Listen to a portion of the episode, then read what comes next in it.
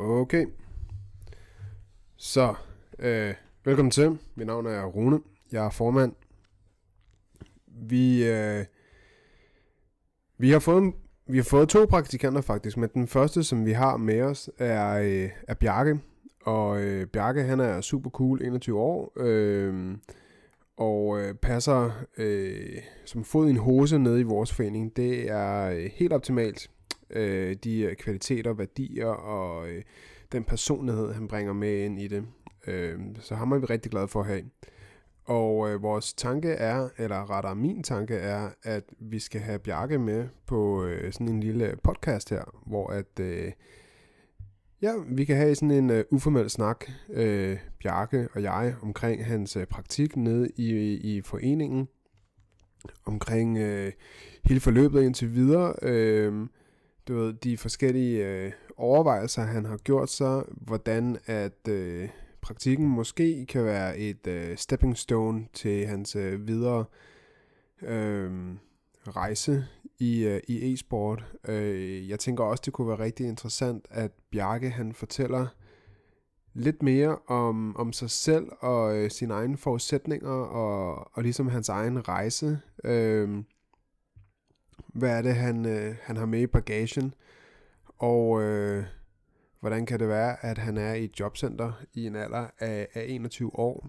Øh, det er der ingen skam i. Vi øh, har alle forskellige veje i livet, og øh, jeg skal være den første til at anerkende, at, øh, at min rejse har også været meget anderledes end alle andres.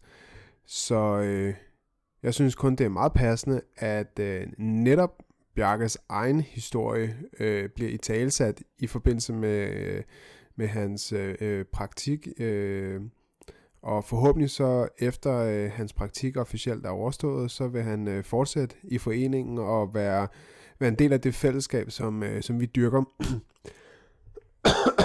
Sorry. Nede i, øh, nede i foreningen.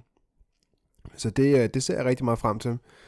Og øh, så her den øh, uh, i starten af august, jeg kan ikke lige huske datoen, der øh, kommer der så en anden praktikant, øh, som er 26 år og hedder Bastian. Og øh, ham vil vi også snakke lidt med. Øh, Bastian har nogle, nogle andre forudsætninger, end Bjarke har, og en, en anden øh, interesse i øh, praktikforløbet, som også øh, er sat til at skulle vare længere tid, end det forløb Bjarke har. Jeg tror ikke umiddelbart, at det er Bastians formodning, at han fortsætter i foreningen. Mest af alt fordi, at han bor ret langt væk, så det vil kræve, at han, øh, han flytter fra, hvor han bor nu.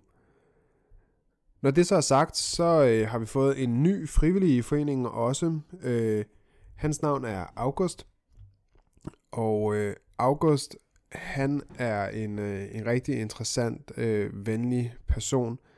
Også en, som vi øh, skal introducere en lille smule mere officielt, og måske også få med på, øh, på en lille snakker her.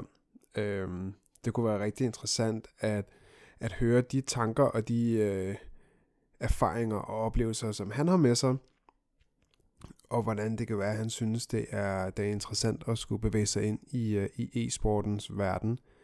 Så øh, det og meget mere, det øh, ser vi rigtig meget frem til at dele med jer. Øh, nu har vi ikke lavet sådan nogle indslag her i lang, lang, lang tid. Og øh, det er der alle mulige forskellige årsager til. Det tænker jeg ikke, vi skal gå i dybden med. Øh, det eneste, der er tilbage at sige, det er om tre uger, fire uger, gør der vel, så får vi øh, en af verdens største Counter-Strike-spillere ned i foreningen.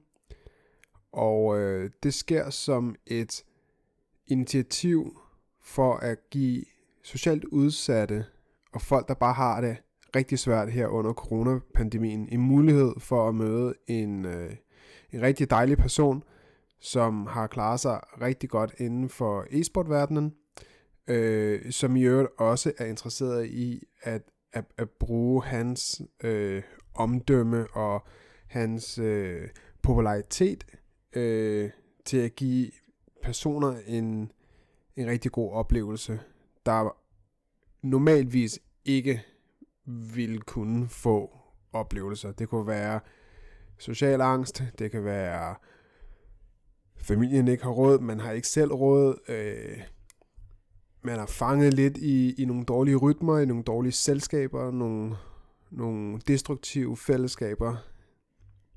Og nogle gange så, så kræver det, at, at man får en håndsrækning udefra, øh, som ligesom kan være faciliterende for, at man prøver noget andet. Man, man møder personer, man måske ellers ikke normalt vil mødes med.